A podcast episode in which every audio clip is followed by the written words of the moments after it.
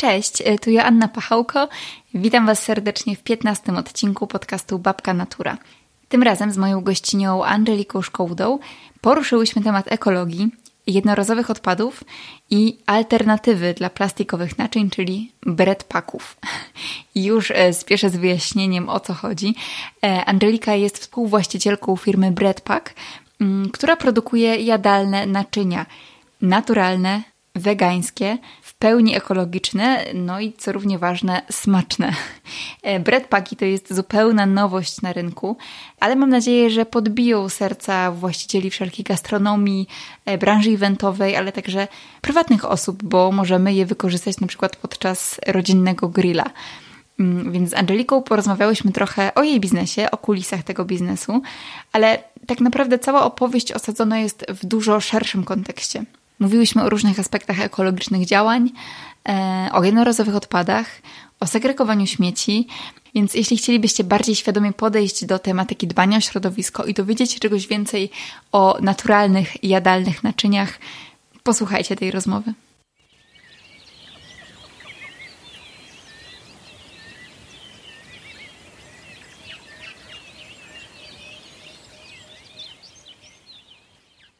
Cześć Angelika, bardzo miło mi Cię powitać w moim podcaście. Cześć Asiu, bardzo dziękuję za zaproszenie. Angelika, e, Babka Natura to jest podcast, w którym rozmawiam z ludźmi żyjącymi i pracującymi blisko natury i ty taką osobą zdecydowanie jesteś, bo chciałabym dzisiaj z tobą porozmawiać o twojej firmie, bo jesteś współwłaścicielką firmy Breadpack, która tworzy jadalne naczynia, e, które są ekologiczne, stworzone z naturalnych składników, wegańskie, więc myślę, że tutaj naprawdę jesteśmy blisko natury.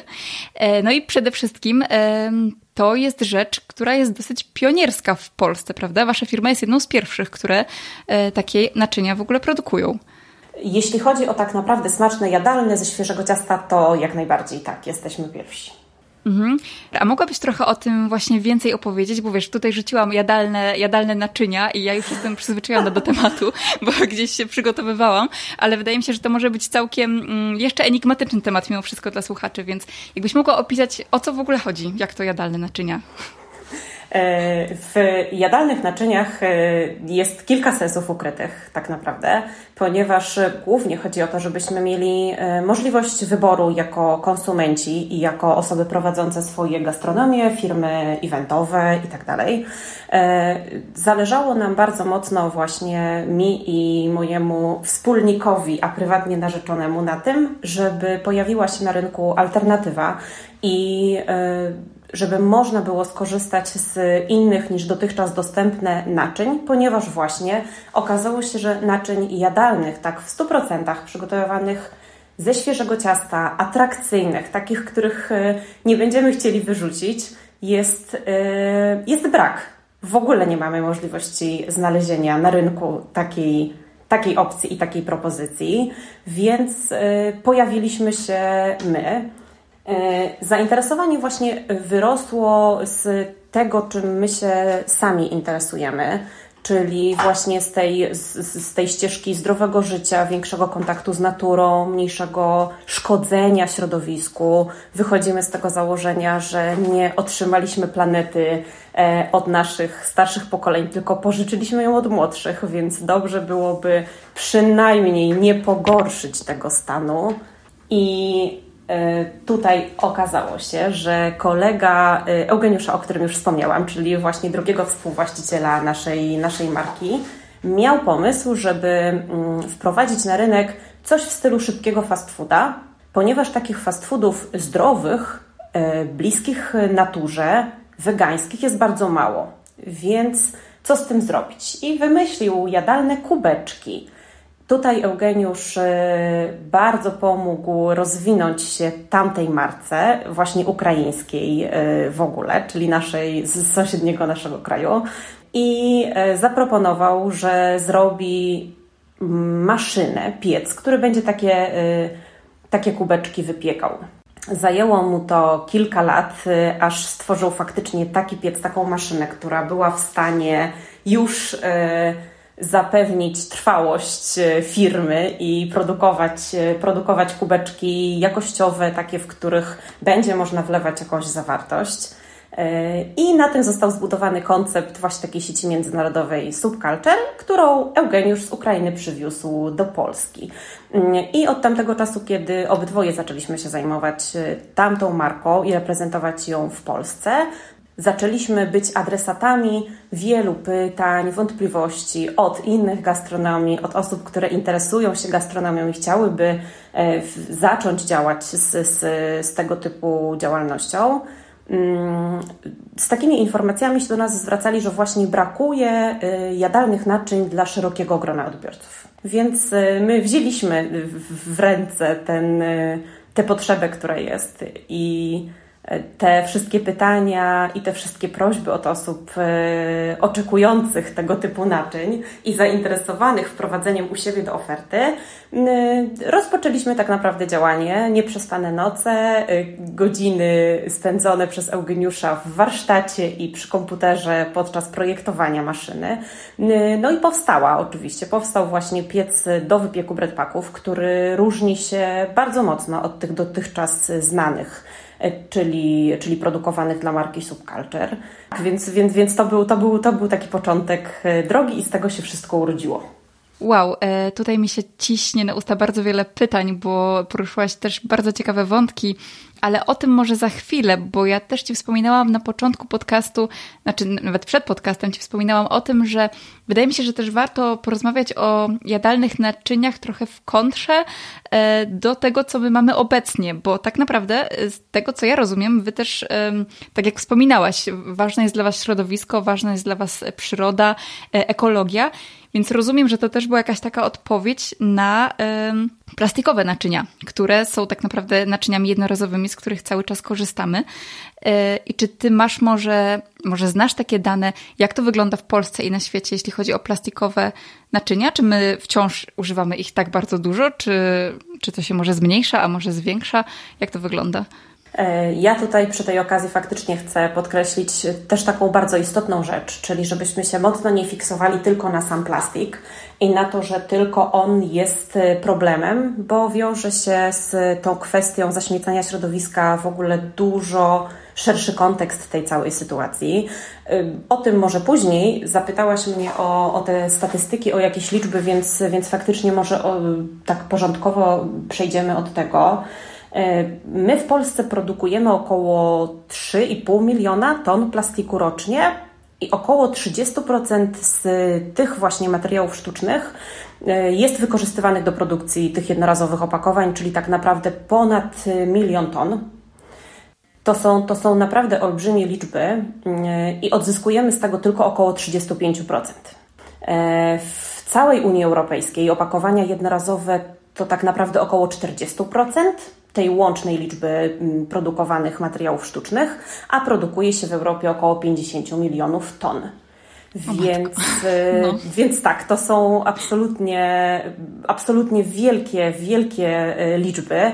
W ogóle tutaj, jak jesteśmy przy tych statystykach, to też y, jest, są niezwykłe liczby, które pokazują, jak w ogóle ta produkcja plastiku i w ogóle materiałów sztucznych globalnie się zmieniła bo ona wzrosła, y, no muszę się tym podzielić, bo to naprawdę są olbrzymie liczby. W 1950 roku projektowaliśmy globalnie tylko 1,5 miliona tony, a w 2015 roku mieliśmy już 322 miliony ton.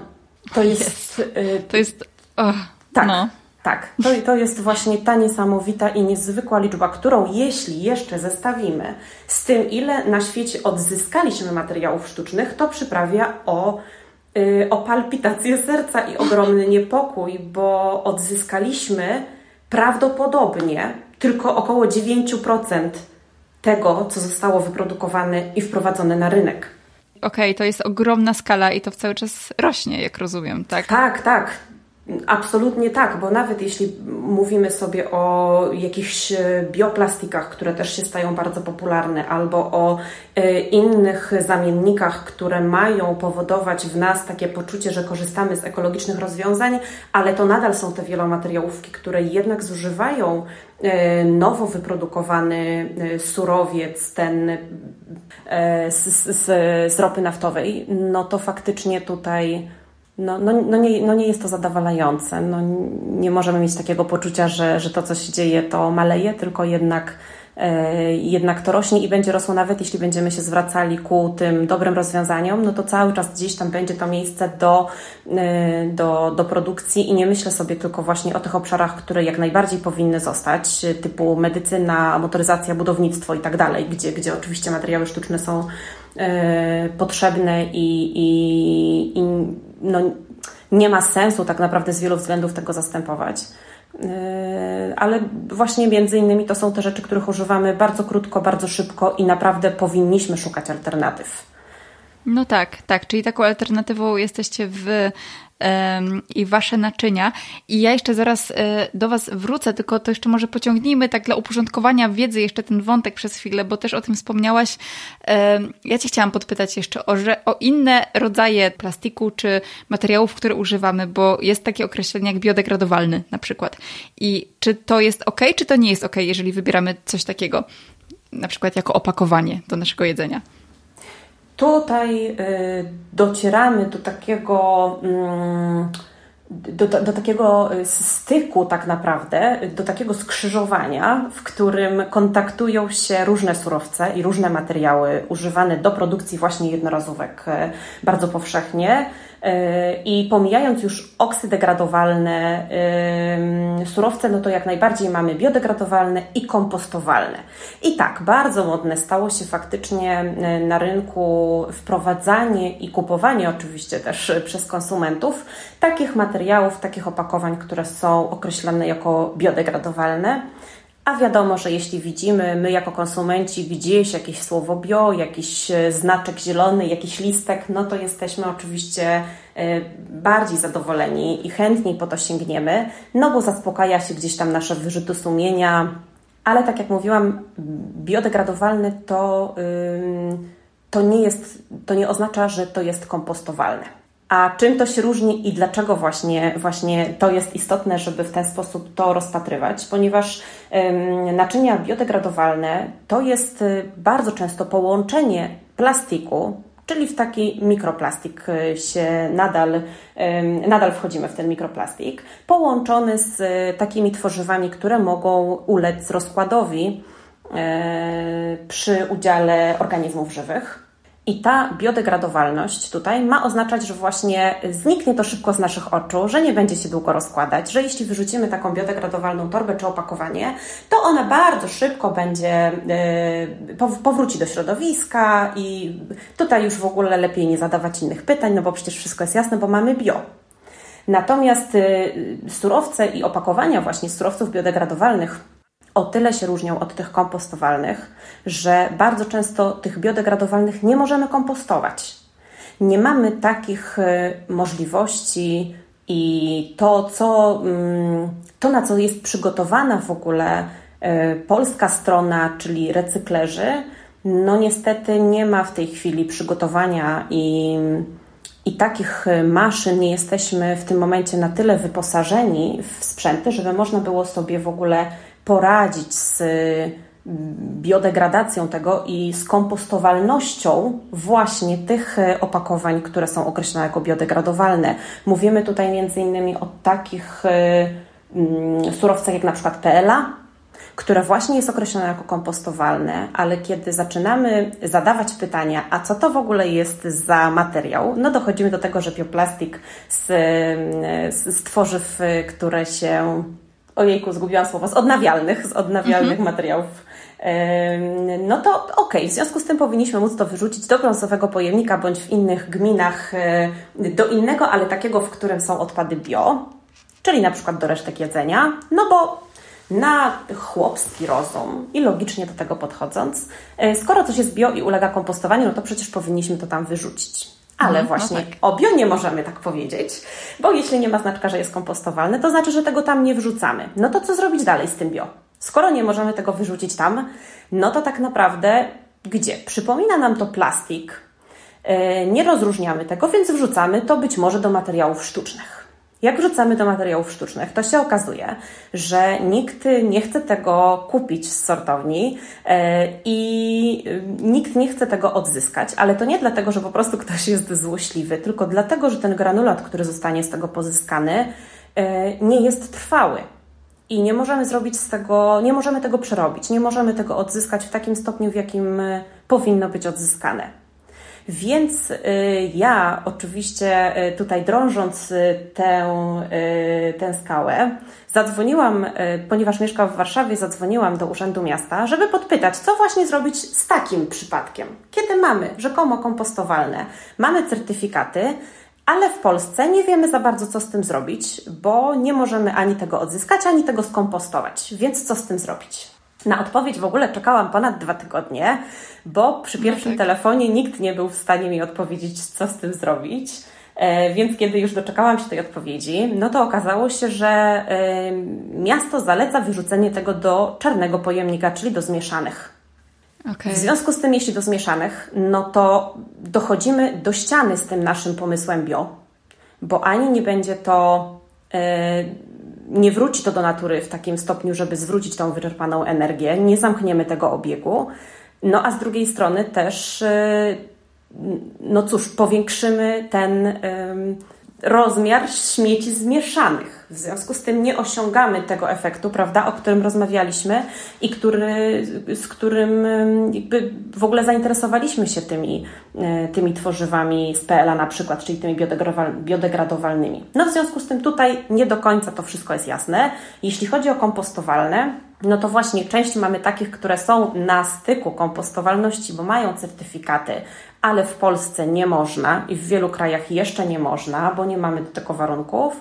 Albo mamy takie, które faktycznie mogą się kompostować, tylko żeby znaleźć takie materiały, musimy się naprawdę natrudzić i wiedzieć, na co zwrócić uwagę, ponieważ w tym momencie, w którym oczy konsumentów są zwrócone i bardzo dużo osób szuka ekologicznych naczyń, ekologicznych produktów, y, opakowaniowych oczywiście, no to producenci też zaczęli nadwyrężać tę te, te nazwę i stosować ją właśnie do takich materiałów i do takich produktów, których e, kompostować nie możemy w Polsce, bądź nie możemy ich kompostować e, koło siebie, koło domu i nie bardzo jest sposób na to, co z tym zrobić i, i gdzie to wyrzucić. Dlatego no, taką bardzo istotną rolę my pełnimy jako konsumenci, jeśli chodzi o ten cały obieg produktów i odpadów żebyśmy wybierali, jeśli chodzi o kompostowalne mm, naczynia, takie rzeczy, które faktycznie mają oznaczenie tej, e, tej możliwości kompostowania, żebyśmy sprawdzali, czy faktycznie uda się to zrobić. Jeśli nam zależy, jeśli wiemy, że używamy jakiegoś opakowania bardzo często, albo bardzo często kupujemy w danym opakowaniu, albo w danej restauracji, w danej gastronomii, która nam mówi, że tak, to jest kompostowalne, to dobrze byłoby dopytać na przykład. Jesteśmy klientami, którzy mają prawo za to, co za to, co płacą, e, no, wiedzieć, prawda, za co właśnie płacimy. Więc, więc tutaj naprawdę taką rolą ogromną naszą jest, żebyśmy zwracali na to uwagę, bo jeśli nie ma naszej aktywności i nas uspokaja to, że widzimy jakieś określenia, mm, no to też producenci, sprzedawcy nie mają poczucia, że coś trzeba zmienić. Mhm powiem ci, że tak słuchałam ciebie i czułam, co ja czułam, trochę taką niemoc. to znaczy, wiesz, bo kurczę, jak, jak opowiadałaś o tym, jak zaczęłaś to drążyć i jak, jak to się okazuje, że tak naprawdę to są różne procedury i u nas w Polsce to nie do końca działa i tak naprawdę ciągle dochodzisz do ściany, to rzeczywiście jest to trochę przykre. E... Tak i w ogóle wiesz, powiem Ci, że mam taką ogromną odpowiedzialność, jeśli chodzi o e, rozmawianie w ogóle na temat odpadów, bo nie powinniśmy my, jako osoby, które już faktycznie gdzieś tam tego, tego tematu dotknęły i bardzo dużo na swojej skórze doświadczyły, my nie powinniśmy wchodzić ani tak za, za bardzo specjalistycznie, e, żeby nie zrazić nikogo, bo przecież my z, z, odpadami żyjemy codziennie i cały czas i, i niemal nie mamy od tego odwrotu, prawda? Więc żeby nie zrobić właśnie tego e, przeskoczenia i wylania dziecka z kąpielą, to ja też zawsze bardzo tak staram się mocno e, skupiać na najważniejszych rzeczach, ale że temat jest naprawdę tak bardzo mało jeszcze zbadany i dostępny, to aż się chce czasami pójść i, i zgłębić go jakoś bardziej dalej, ale jest faktycznie no, niezwykle szeroki i nie dziwię się, że jeśli ktoś spotyka się, tak jak właśnie teraz Ty powiedziałaś, słyszysz, że to, że to faktycznie łączy się z tym, a jeszcze z tego wynika co innego,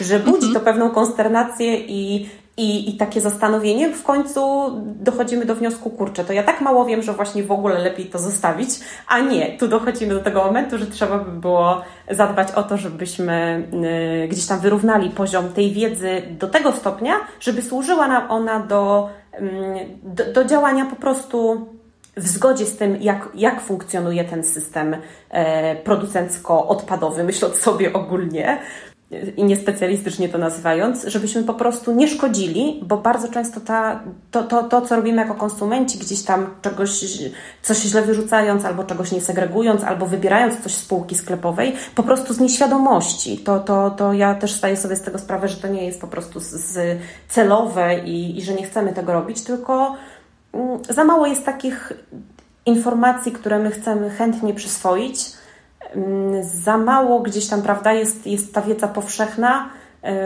i ona albo się kojarzy już z takim szaleństwem, że ojejku, co teraz trzeba będzie zrobić, zaraz nam 50 różnych śmietników postawią i to już w ogóle jest szaleństwo, więc gdzieś tam dochodzimy do tego, e, no albo po prostu zupełnie już rezygnujemy i, i fajnie by było, żeby na tym się nie, na tym nie poprzestawać, tylko jednak dojść do tego, że dobra, układamy sobie tę wiedzę, wystarczy nam to, to, to i już wtedy naprawdę jest dużo prościej, bo jest dosłownie kilka drobnych rzeczy, które my jako konsumenci powinniśmy wiedzieć i już nam będzie trochę łatwiej, tak myślę.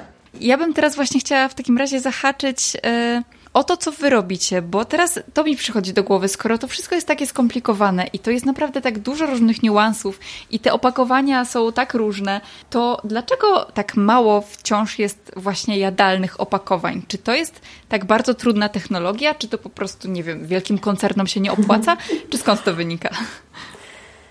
Mi się wydaje, że, to, że są jakby dwie takie, takie y, kwestie. Po pierwsze, y, gdzieś pewnie jak myślimy o ekologii i widzimy, że na rynku jest tego już bardzo dużo, to myślimy sobie, hmm, a po co może będziemy my robić kolejną jakąś ekologiczną rzecz?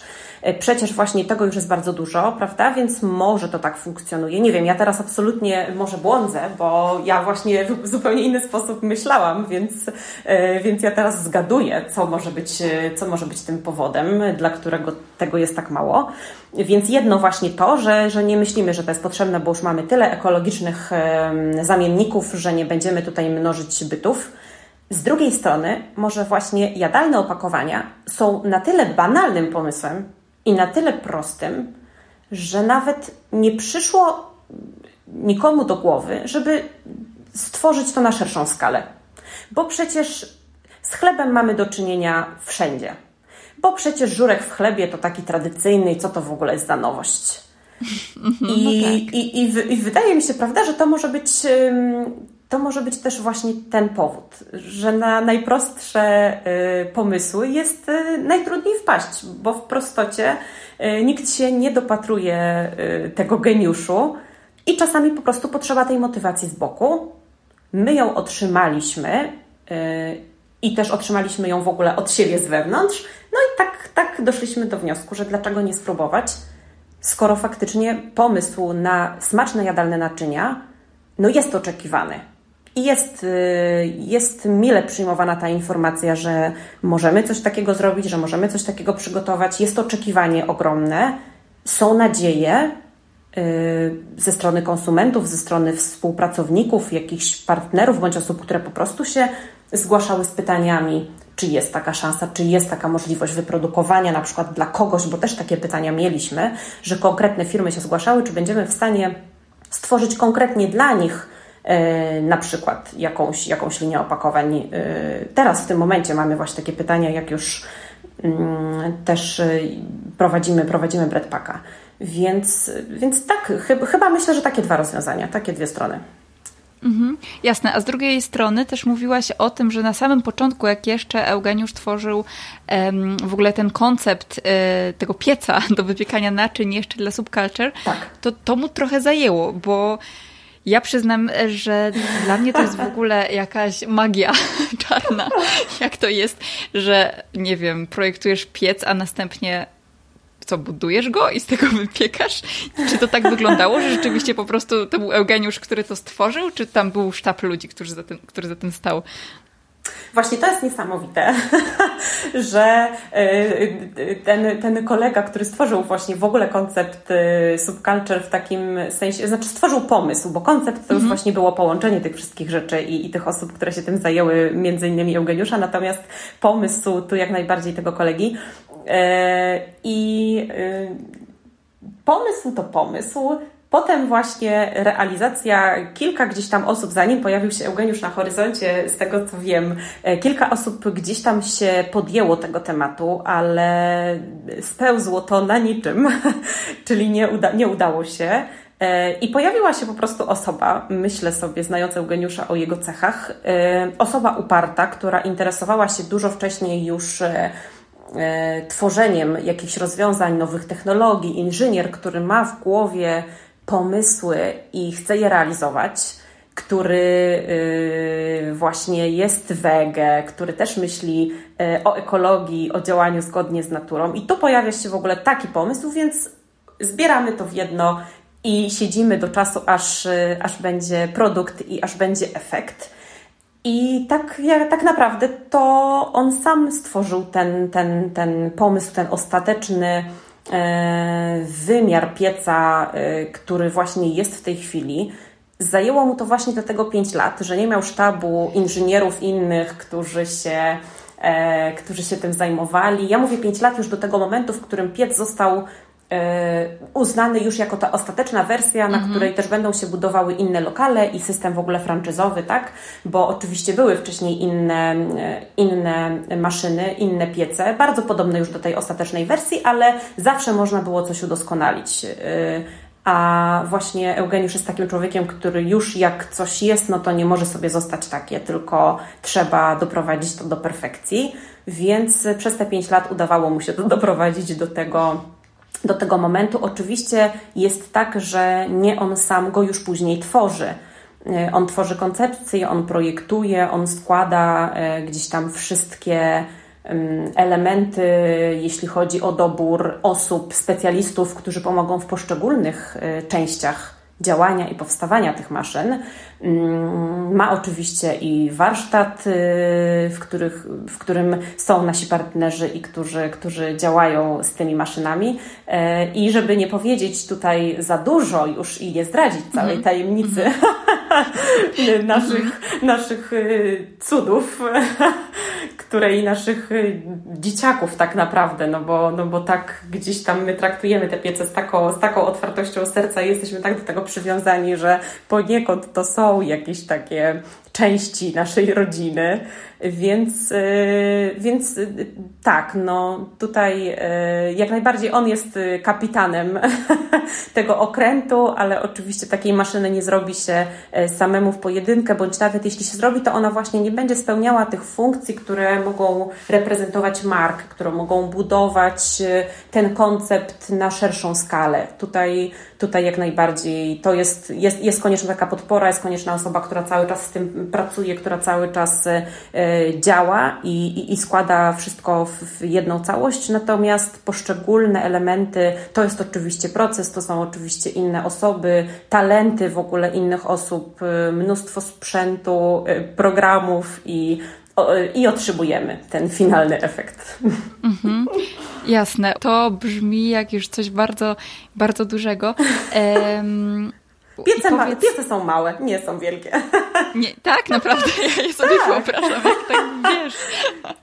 Nie, piec, piec breadpackowy wy, wy, wypieka cztery breadpacki jednocześnie jest w tej chwili półautomatyczny i też cały czas trwają prace nad tym, żeby osiągnąć tą finalną wersję pełnej automatyki, natomiast jeszcze w tej chwili jest to półautomatyczna maszyna, ale jest, my nazywamy to kompaktowa, można ją zabrać ze sobą na targi na przykład e, i gdzieś tam wypiekać takie naczynia. E, można ją postawić w, nawet w restauracji, tak naprawdę. Jeśli ktoś ma zaplecze e, kuchenne, nie musi to być od razu wielki warsztat. Jeden taki piec bez problemu zmieści się też na mniejszych przestrzeniach. No właśnie, to powiedz w takim razie, gdzie breadpaki, gdzie one mogą być? Bo tak jak już wspomniałaś, to są restauracje, czyli teoretycznie jakaś restauracja może serwować e, na nich dania, ewentualnie je wypiekać, e, jeżeli kupią też od Was piec.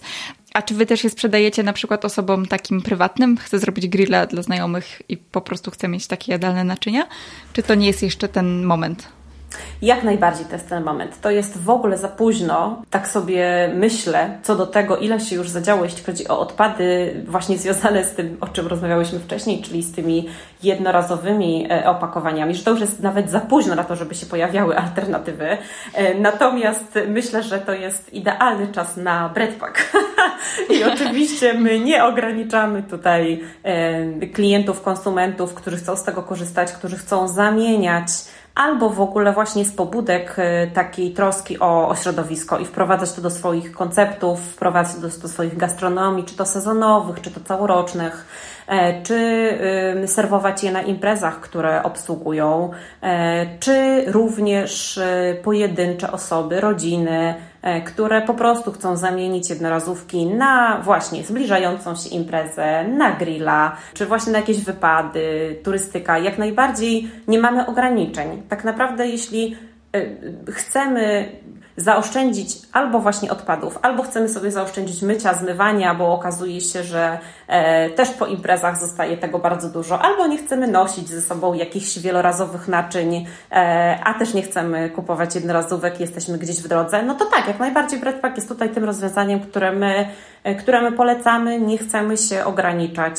e, i, i robić ich też ekskluzywnymi, ponieważ nie takie były alarmy nie, nie, od, od, od konsumentów, od właścicieli firm, gastronomii, od menadżerów. Nie, nie, takie, nie takie były y, prośby czy mm, oczekiwania, mam wrażenie, od y, takiej nowości, jaką jest y, Breadpack. Chodziło bardziej o to, żeby to łączyło, żeby to było faktycznie dostępną alternatywą, a nie taką zarezerwowaną tylko dla y, osób takich, albo tylko dla biznesów takich, albo nie, absolutnie. Każdy, kto tylko ma ochotę i, i chciałby czy spróbować, czy zaserwować coś, czy wpaść na jakiś pomysł i zbudować na tym swoje inne danie, y, no bo jest to na tyle nowością, że, że klientów to w tej chwili bardzo ciekawi, fascynuje i zaskakuje w ogóle, jeśli jeszcze za chwilkę będziemy sobie na przykład rozmawiały o, o, o smaku czy o, o, te, o cechach breadpacka, to ja chętnie w ogóle pójdę w tę stronę.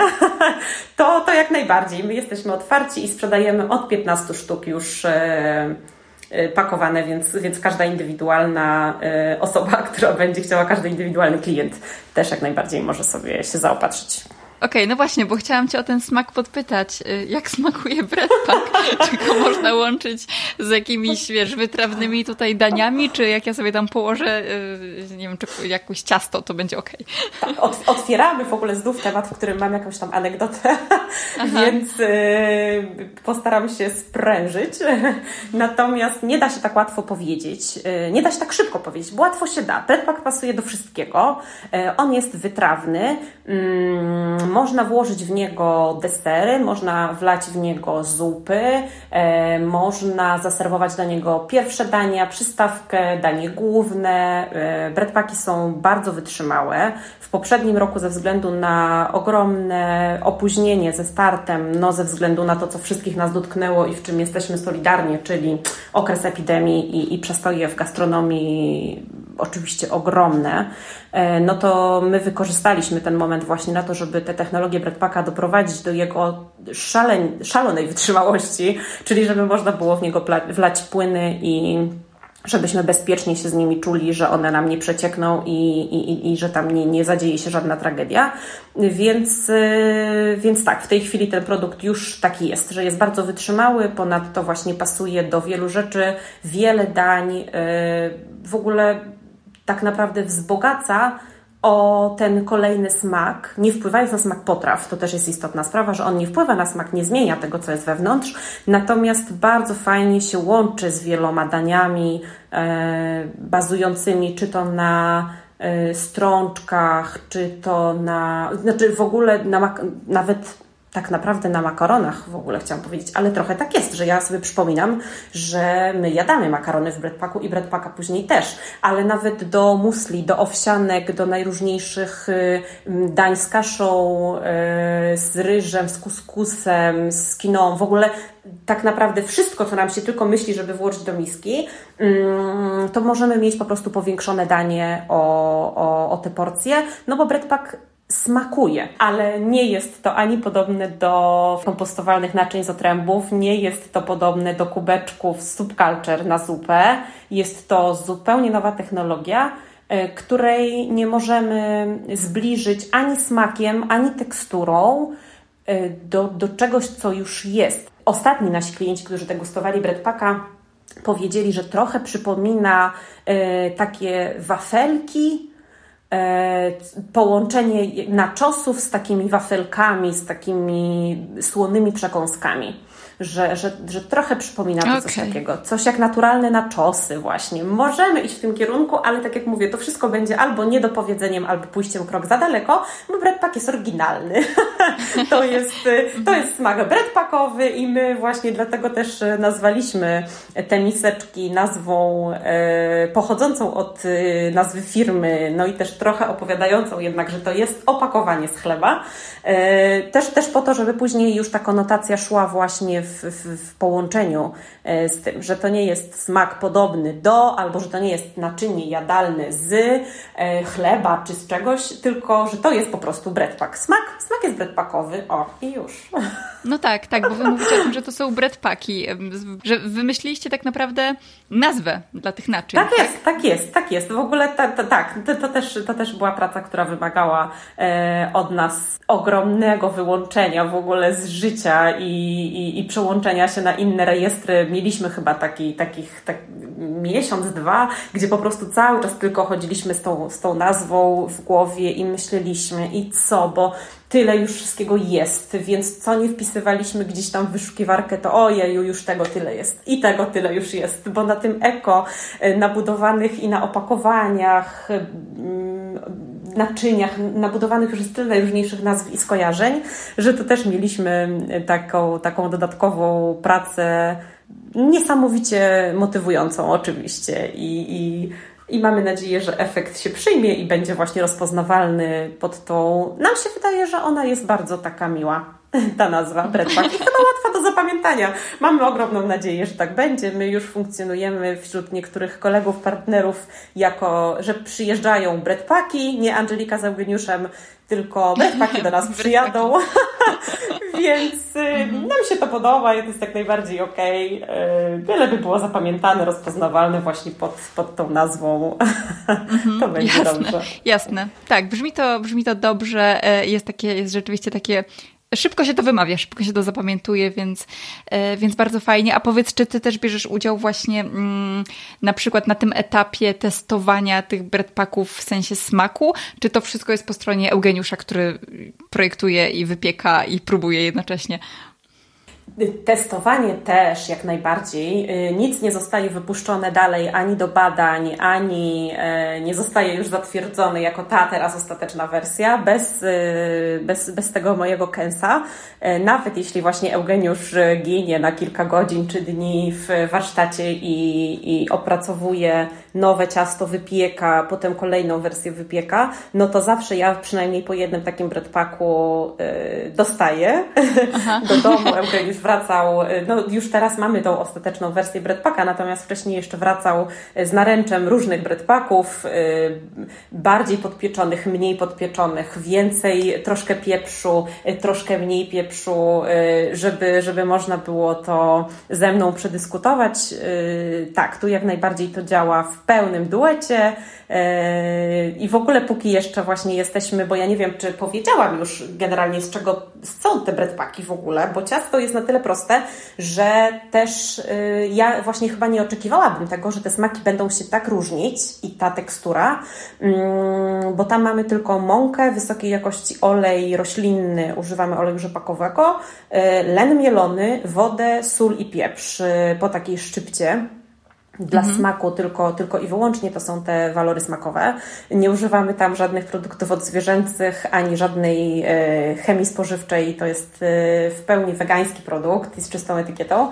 E, więc faktycznie, jak sobie człowiek o tym myśli, no to hmm, no nie jest to zachęcające. No co tam jest tak naprawdę? Co tam ma smakować?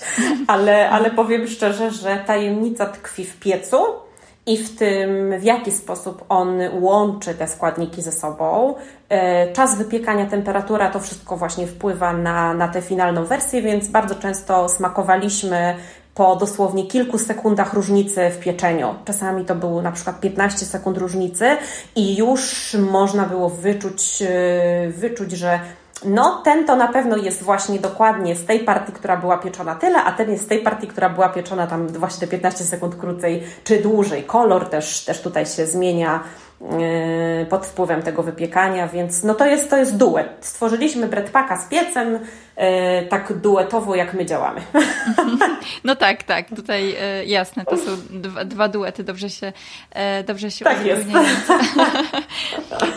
Dokładnie. I jeszcze wspomniałaś w międzyczasie o pandemii i o tym, że zaczęliście to robić właśnie w momencie, kiedy wybuchła pandemia i mhm. czy wy mieliście, postawiliście wszystko na jedną kartę i wiedzieliście, że, że robicie te breadpacki i po prostu idziecie w to, czy gdzieś się zastanawialiście, czy mieliście momenty zwątpienia, czy, czy to było już pewne? Mm, jak y, ja sobie analizuję, właśnie ostatnio była taka okazja, już jest co prawda marzec, ale tak y, ja jeszcze sobie czasami wracam do tego, że przecież dopiero żegnaliśmy rok 2020 y, i to była właśnie fantastyczna okazja do tego, żeby sobie usiąść i, i podsumować co się zadziało w, w tym breadpacku i z czym my w ogóle z tego roku wychodzimy, bo że poturbowani to na pewno, że bez wypełnienia wszystkich planów biznesowych, które były zaplanowane, to oczywiście też na pewno. E, ale powiem szczerze, że ja mam takie poczucie ogromnej satysfakcji, ogromnego umocnienia, e, przejścia też takiej ogromnej szkoły, która mm, ustawiła nas gdzieś tam też w takim ogromnym pionie w obliczu tej nieprzewidywalności natury i tego, co się może zadziać każdego dnia.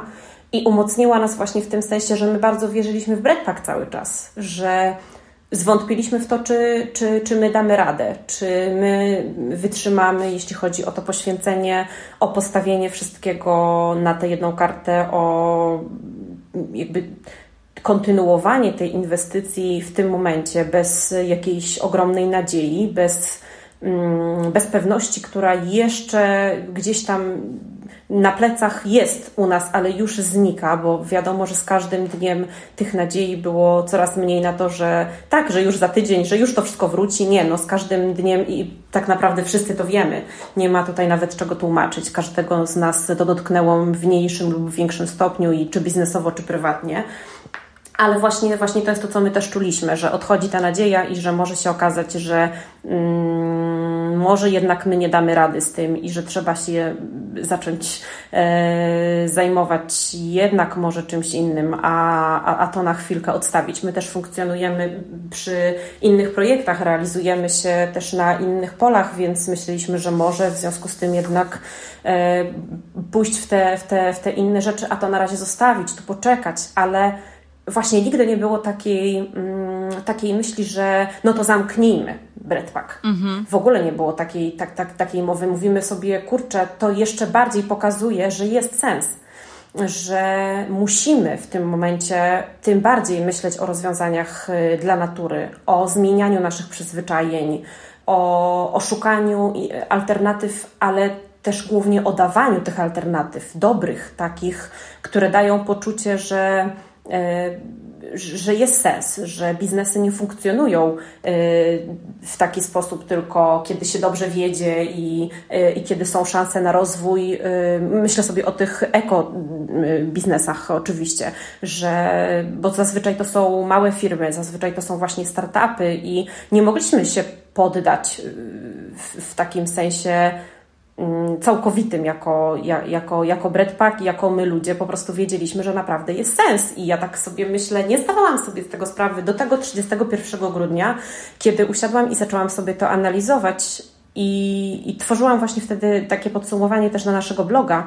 Mm, I doszłam do, do tych wniosków, że w siebie tak zwątpiliśmy nie raz, bo, y, bo, bo, bo nie było może jeszcze wcześniej okazji do zetknięcia z takim problemem i z taką rzeczywistością, w której przyszło nam żyć, funkcjonować i prowadzić działalność.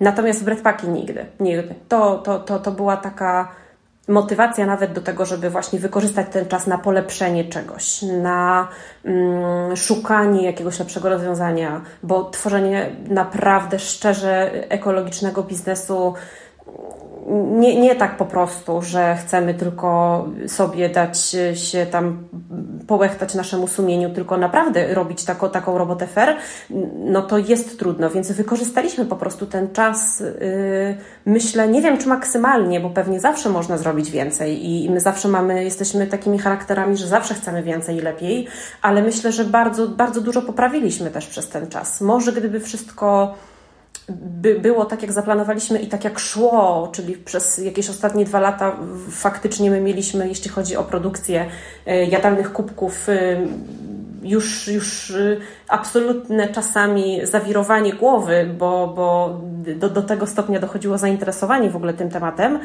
no to nie wiem, czy był, byłby czas na naprawdę wystartowanie ze wszystkim tak uporządkowanym. A w tej chwili my ten czas wykorzystaliśmy na to, żeby porozkładać wszystko po takich półeczkach, żebyśmy mieli e, poczucie, że proponujemy naprawdę fair produkt, naprawdę fajny, taki, którego my się nie wstydzimy, który nie jest robiony na szybko, tylko który przetrwał już też w ogóle, zanim my zastanowiliśmy się, że w ogóle coś takiego się może zadziać, no to już on przed startem został poturbowany i, yy, i już urósł o to mhm. doświadczenie. Mhm. No jasne, to super to brzmi e, i będę trzymać kciuki, żeby Wam się to tak dalej e, pięknie rozwijało. I chciałam, Dziękujemy bardzo. I tak chciałam Cię pytać jeszcze właśnie o te najtrudniejsze momenty i tak wydaje mi się, że co najtrudniejszym momentem mhm. był właśnie ten pandemia i ten moment zawieszenia, czy to było coś innego? To oczywiście było takim najtrudniejszym momentem, ale co najlepsze, kiedy ja sobie myślę w ogóle o najtrudniejszych momentach, jak też y, pytają nas przyjaciele, znajomi, rodzina, że no to co w ogóle, czy, Mieliście w ogóle jakieś takie rzeczy najtrudniejsze w tym, co, co wy robicie, że, że jakieś takie nowości chcecie wprowadzić i, e, i siłować się z tym? Może przecież warto by było coś skopiować, po co, po co w ogóle jakąś tam e, oddzielną, zupełnie nową rzecz, ile to czasu zajmie, ojejku, ile to poświęceń. Mhm. To powiem szczerze, że my w ogóle po pierwsze nie patrzymy w ten sposób, to jest wyzwanie, a nie jakieś takie trudniejsze rzeczy, które tak zawsze nam przychodzą do głowy. Nie, my chcieliśmy, wiedzieliśmy, że to będzie będzie y, łączyło się z pewnymi wyrzeczeniami i że to zajmie dużo czasu i, e, i, i że to jest ogromne wyzwanie, ale, ale właśnie nie w tej kategorii, że, e, że, że od razu tam dużo rzeczy jest najtrudniejszych albo że właśnie e, ta pandemia. W ogóle ja tak sobie nie myślę w tych kategoriach, ale jeśli już dochodzimy do takiego pytania i takie pytanie mamy, y, to ja mam poczucie, że właśnie trudno jest robić produkt od A do Z fair. Bo albo okazuje się, że nie mamy takich współproduktów, które my możemy wykorzystywać, żeby sprzedawać nasz ekoprodukt. E, albo jeśli te produkty już nawet są, to my na przykład w Polsce nie jesteśmy na to gotowi, chociażby poprzez wykorzystywanie właśnie materiałów sztucznych, z którymi my potem nie mamy co zrobić. Więc tak naprawdę trudności w ogóle nie były w nas i nie były w tym, co, co zależało od nas, czyli nie były w technologii, nie były w planowaniu, nie były w wygospodarowaniu dodatkowego czasu na stworzenie tego i w ogóle w odłożeniu wielu rzeczy na bok albo ograniczeniu pewnych innych y, swoich działań, mimo tego, że właśnie jesteśmy dość aktywni na wielu polach, to, to, to z tym nie było problemu, to zależało od nas, więc my potrafiliśmy wygospodarować czy ten czas, czy ten pierwiastek dodatkowych emocji i dodatkowej energii, żeby można było urodzić coś e, nowego i wartego, e, wartego uwagi, wartościowego. E, trudności zaczęły się właśnie w momencie, w którym mieliśmy zetknięcie z rzeczami, które od nas nie zależały. I tutaj tak sobie myślę, że przygotowanie do wysyłki Breadpacka to jest ten taki moment, y, w którym ja go tak y, nie, nie, postrzegam, że cały czas, ale jak sobie właśnie o tym myślę, to chyba to były takie momenty, w których czasami opadały nam ręce, mhm. bo okazywało się, że wystarczy tylko przecież skompletować kartony, wypełnienie do kartonów, opakowanie bezpośrednio chroniące breadpacki, taśmę i tyle. Mm, no, I już. Tak. E, no i to nie jest tyle właśnie. Mhm. właśnie tu się zaczyna cała droga. E, I to były tak niezwykłe przejścia i tak niezwykłe doświadczenia i godziny rozmów ze specjalistami, z producentami, z sprzedawcami, e, czy to właśnie ekologicznych, no czy okazywało się później, że tylko pseudoekologicznych rozwiązań że my w ogóle dotarliśmy do takich, do takich podsumowań, że czasami zdarza się, y, że bardziej ekologiczna niż papier jest folia, a czasami y, plastik jest bardziej ekologiczny niż materiał biodegradowalny. Na przykład. Mhm. Y, I tak, to brzmi sensacyjnie i dla nas absolutnie takie było i my jak sobie siadaliśmy już z tymi, mm, z podsumowaniem działań, bo my zawsze dzielimy się w, w, w tych kwestiach swoimi, swoimi konkretnymi e, porcjami, którymi się zajmujemy w firmie, no to też później my siadamy i opowiadamy sobie o tym, co się udało zrobić, jakie mamy efekty w działaniu z tym bądź z tym. E, I mimo tego, że Eugeniusz zajmuje się tą technologią i też całą logistyką dostaw, no to ja y, ze względu na fakt, że bardzo mocno mnie interesuje właśnie drugie życie odpadów i tego, co się dzieje z materiałami, z surowcami, w jakim my momencie jesteśmy jako świat, Europa czy Polska, e, to, to już oczywiście w zależności od momentu i od konkretnego tematu, y, ale ja też y, właśnie tutaj w tym staram się, staram się pomagać nie tylko tak teoretycznie, tylko też praktycznie, więc siadaliśmy czasami i opowiadaliśmy sobie o tym, co się udało i nie dowierzaliśmy w wiele y, takich rzeczy, do których dochodziliśmy dopiero w momencie zetknięcia z tym tematem, bo właśnie y, na przykład okazywało się, że naprawdę y, na rynku jest y, niesamowity problem z taśmą ekologiczną do zamykania kartonów. Mhm. że dostaliśmy dziesiątki jakichś próbników i, i, i, i taśm do, do testowania, które już miały być ok i były ok, w sensie i, i miały być ok i, i przychodziły i my już sprawdzaliśmy, na ile to ok jest naprawdę ok. I e, robiliśmy testy, moczyliśmy ten papier, bo nam zależało na tym, żeby to nie była y, foliowa owijka, tylko żeby to był papier z takim klejem naturalnym, który nie będzie przeszkadzał w odzyskiwaniu papieru. No i okazywało się, że na przykład taśmy leżą 3, 4, 5 miesięcy i nie dzieje się z tą taśmą w wodzie nic. Aj. I ten papier w ogóle się nie rozrywa, albo się rozdziela, ale tak strasznie, że nic nie jesteśmy w stanie z tym zrobić. A no, wielomateriałówki w ogóle są y, trudne do po pierwsze odzysku, po drugie traci się dużo więcej e, energii e, na, na, na odzysk tych materiałów, na rozdzielenie ich w ogóle, zanim jeszcze dochodzimy do odzysku. Więc y, mówimy sobie, no nie, no w ogóle kurczę, tutaj rozmawiamy, no stawiamy sprawę jasno, ktoś się nam deklaruje, że tak, potem prosimy o certyfikat na przykład, że tak, ten y, na pewno papier do zawijania, ta taśma jest kompostowalna, i mhm. okazuje się na przykład, że już do dzisiaj nie mamy maila zwrotnego w tej sprawie.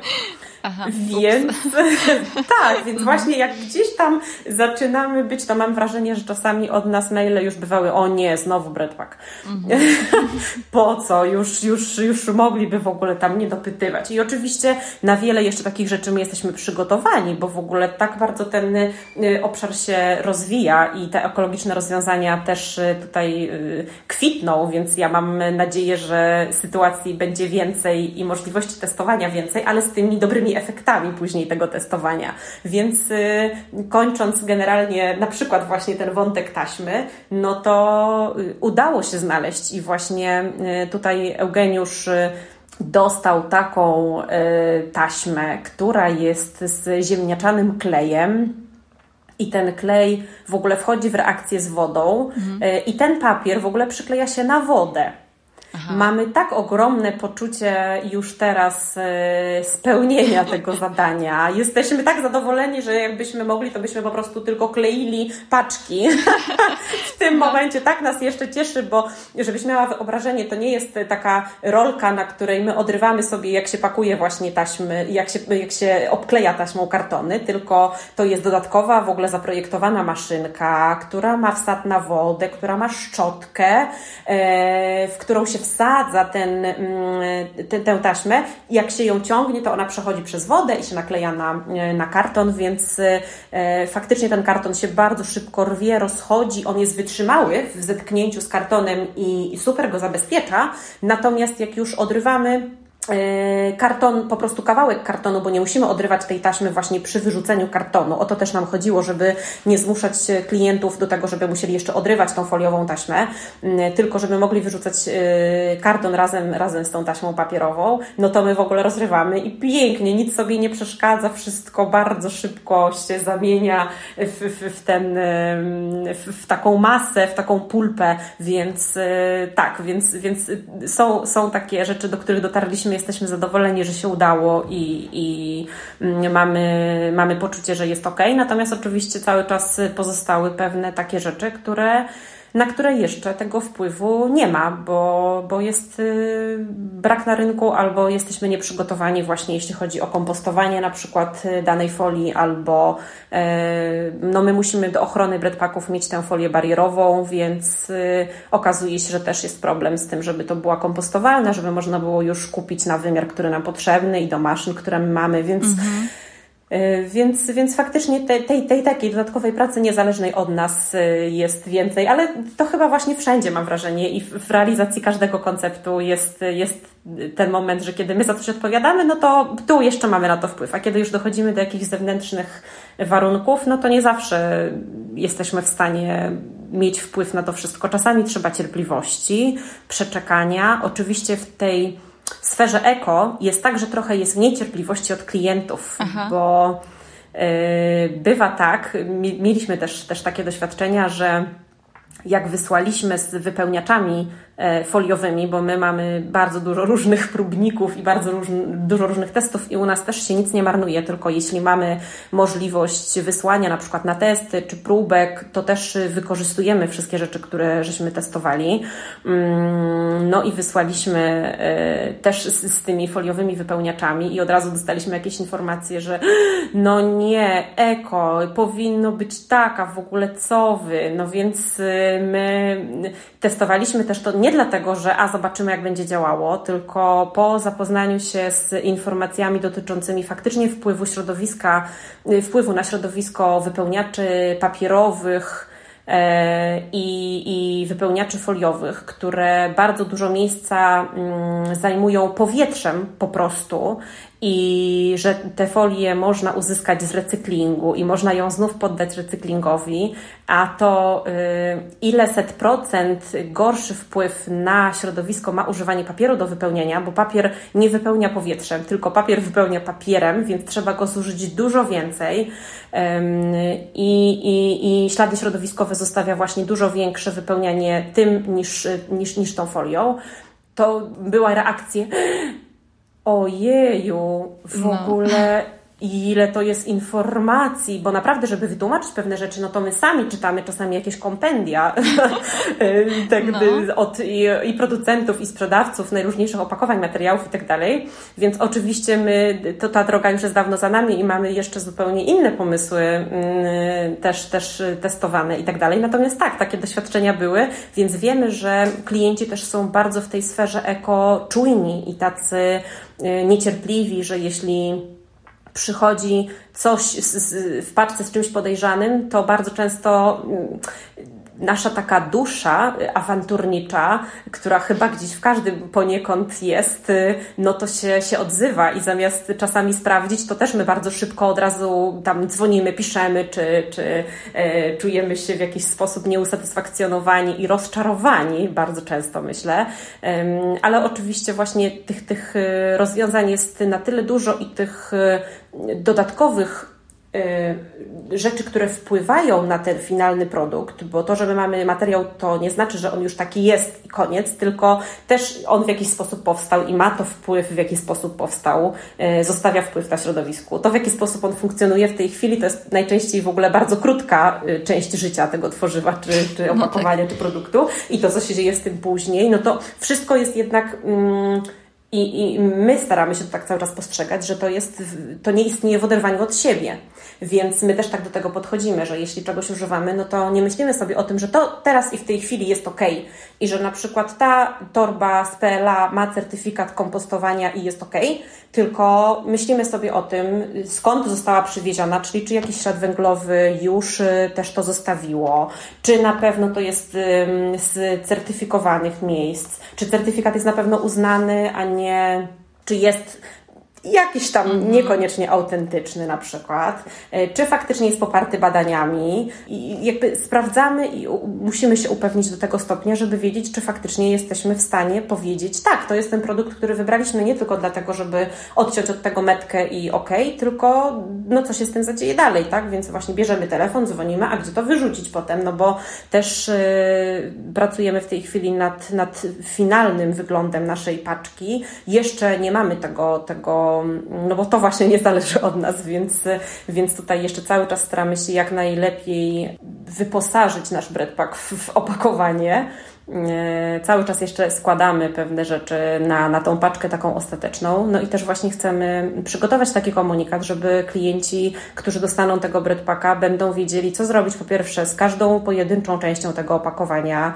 E, chcemy poprowadzić trochę, mm, dlatego że właśnie mamy świadomość, że mało się o tym mówi, że mm, mimo tego, że mamy dostęp do tych informacji, mm, co gdzie wyrzucić na przykład, no to bardzo dużo też jednak jest tych niewiadomych i tych luk bo no, sa, sa, sami jesteśmy konsumentami, więc my sami, jeśli dostajemy coś, to się zastanawiamy, co z tym zrobić. Wyszukujemy w wyszukiwarce, yy, która podpowiada, jak segregować, gdzie co wyrzucić, co z tym zrobić. No i bardzo często płaczemy, że właśnie, okej, okay, to jest fajne tutaj, ale yy, totalnie nie wiemy, co z tym zrobić dalej. I yy, mamy przed sobą to coś, czego nie możemy wyrzucić do yy, żółtego, nie możemy wyrzucić do brązowego, nie możemy wyrzucić tu, tu, tu, tu, tu. Okazuje się, że tak naprawdę musi to zostać spalone albo musi mm, polecieć na wysypisko, a to nas, y, to nas przeraża przecież w obliczu tego, że każdego roku do oceanu wpada no tak średnio od 5 do 13 milionów ton tworzyw sztucznych, no to czujemy ogromny niepokój w stosunku, prawda, do tego, co wykorzystujemy i co mamy puścić dalej mm -hmm. na mhm. szerszą skalę. Więc, no bo no te, ja nie potrafię sobie w ogóle tego zobrazować po prostu. Ja jestem mm, od razu pokryta gęsią skórką, jak myślę sobie o tym, jak to faktycznie, faktycznie wygląda i od razu budzi się we mnie takie poczucie, że no nie, no, no nie mogę, no naprawdę. Czasami w domu tak mam, że nawet myślę sobie, no już nie oderwę tego okienka foliowego od tej koperty, już to tam wyrzucę. I nie, no jest coś takiego, że jak wrzucę, to za sekundę wrócę się i oderwę to i tu wrzucę do papieru, a to będę zbierała i ukulam taką kuleczkę, żeby nie wyrzucać pojedynczego, malutkiego, takiego foliowego kawałeczka, tylko utulam, żeby było to lepsze potem do, do, do, do, do pracy też osobom, które przecież przy tym pracują. Więc ja bardzo często też mam takie odruchy yy, takiego leniuszka codziennego i takiego mieszkańca, który nie, ja nie mam wpływu, nie zbawię całego świata i, ale nie, za chwilę się poprawiam, bo myślę sobie o tym, że nie, naprawdę, kurczę, mamy wpływ ogromny. I nie zbawimy nie wiadomo całego świata, ale gdyby powiedziało tak milion osób, no to przecież, e, no to przecież ma to już wtedy wielki wpływ, prawda? Potrafimy tak myśleć i się motywować, na przykład idąc na wybory, no że a, ty, ty tylko jedna, a przecież tak mówi ileś tam osób, a jak tak powie setka tysięcy, albo tak powie właśnie milion, albo tak powie dwa miliony, trzy, dziesięć, no to co? No i ja myślę, że tutaj w tym temacie też musimy tak podchodzić, że nie jesteśmy pojedynczy, indywidualni, tylko nasze wybory są bardzo mocno osadzone w całym ekosystemie, e, który ma wpływ na to, co się dzieje i z nami, i będzie miało z przyszłymi pokoleniami, i ma w tej chwili mhm. z, z, z, całym ekosystemem. Jasne. Boże, Angelika, ty masz taką duszę tak, aktywistki. Tak, się rozeszłam. Masz taką duszę aktywistki po prostu w sobie. jak ja cię słucham, ja bym, tak jak mówiłeś, że e, w pewnym momencie już dojdziesz do ściany po tych 13 telefonach i płaczesz. Ja myślę sobie, że ja bym płakała po tym pierwszym. I, i jak e, naprawdę podziwiam cię Naprawdę Cię podziwiam za to, jak Ty drążysz, jak Ty się dokopujesz do tych rzeczy, jak ten breadpack po prostu jest wychuchany z każdej możliwej ekostrony.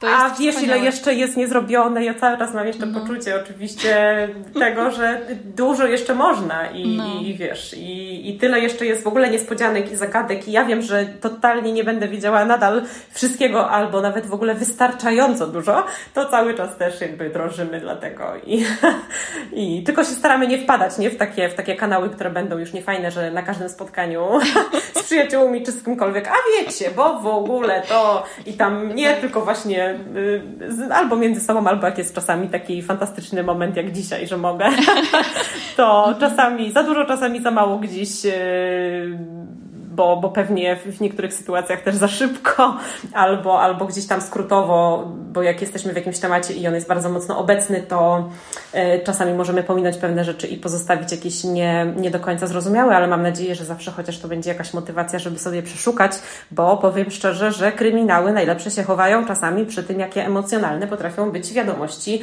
z podwórka ekologicznego i odpadowego. Mm -hmm, jasne. E, to tak jak właśnie sobie myślę o słuchaczach, którzy też tego słuchają, ja trochę -hmm. jestem właśnie gdzieś tutaj pomiędzy. Ja Cię tak bardzo, bardzo podziwiam, że są takie osoby jak Ty i jak Eugeniusz, że Wy jesteście tak bardzo na 100% e, działacie tak ekologicznie i to jest super, bo dzięki temu my wiemy, w którą stronę mamy iść. To znaczy wiemy, gdzie mamy dążyć i chyba też ważne jest to, że jeżeli zrobimy tą jedną piętnastą tego, co wy robicie, to chyba też będzie dobrze, prawda? Powiedz, że tak. ja nie mam w ogóle, wiesz, przepisu na to, żeby było dobrze, mhm. więc ja myślę, że każdy, jeśli będzie, wiesz, widział ten sens y, funkcjonowania w zdrowym ciele i w zdrowym świecie z fajną naturą, to każdy z nas poczuje przynajmniej właśnie te 15% tego, mhm. bo, bo nikt nie musi od razu tworzyć nowych rozwiązań, alternatyw i technologii. Absolutnie o to nie chodzi, ale, ale fajnie, żebyśmy wiedzieli, że nasze wybory mają wpływ po prostu takie nasze codzienne. I, i to już naprawdę będzie super, jak będziemy mieli tę świadomość albo będziemy wybierać te produkty, które są też dobre dla nas, bo w ogóle w, w, w tym chodzi o to, że nie od razu dla całego środowiska i, i nie musimy mieć właśnie w sobie tych takich aktywistycznych e, pobudek i tak dalej, tylko że wszystko ma wpływ też na nasze zdrowie. Dzisiaj żeśmy nie, tak naprawdę nie przeszły co do tej szkodliwości jeszcze, bo to też się bardzo wiąże z tym tematem naszym i dlaczego też my polecamy bardzo mocno jadalne naczynia, a nie, a nie używanie tych jednorazówek z materiałów sztucznych, ale, ale to też jest bardzo istotna rzecz i też bardzo mocno właśnie zachęcam wszystkich, którzy, słuchaczy, którzy zainteresowali się tym tematem, żeby też zwracać uwagę na to. Mhm. I zaczynać od siebie zdecydowanie, tak. No właśnie, tak, nie przeszłyśmy przez to, już pewnie nie przejdziemy przez tą kwestię szkodliwości plastiku mhm. na nasze zdrowie, choć mam ochotę o tym z Tobą pogadać chyba w jakimś kolejnym odcinku, bo po prostu to jest fascynujące. I to, co mi się jakoś mm, gdzieś tam ciśnie na usta po takiej całej tej naszej rozmowie, to jest też chyba to, że raz, żebyśmy starali się świadomie podchodzić właśnie do segregowania, do y, rzeczy, na które mamy wpływ. Dwa, nie oceniali producentów ekologicznych różnych rzeczy, którzy właśnie, dlaczego on mi wysłał tą folię, prawda? Tak jak o tym w tym mówiłaś, a może właśnie dlatego, tak. że testował, albo dlatego, że ta folia, możemy ją potem przerobić, natomiast ten papier, który nam wypełni większą ilością, będzie zostawi większy ślad węglowy i tak dalej, i tak dalej, że to wszystko być może wynika z różnych rzeczy. Tak, myślę, myślę, że ta świadomość bardzo nam pomoże też y, z takim spokojem podchodzić do tego, bo rynek jest pełen opcji greenwashingowych właśnie, czyli no tej takiej ekościemy, która bardzo często jest nam serwowana y, no właśnie w tym momencie, w którym jeszcze nie wszystko jest jasne dla nas konsumentów, a jest bardzo duża przestrzeń na y, proponowanie rozwiązań pseudoekologicznych, więc żeby odróżnić ten greenwashing właśnie od tego, że ktoś naprawdę może się starać i może przemyśleć dlaczego i bardzo świadomie użyć jakiegoś jakiegoś materiału.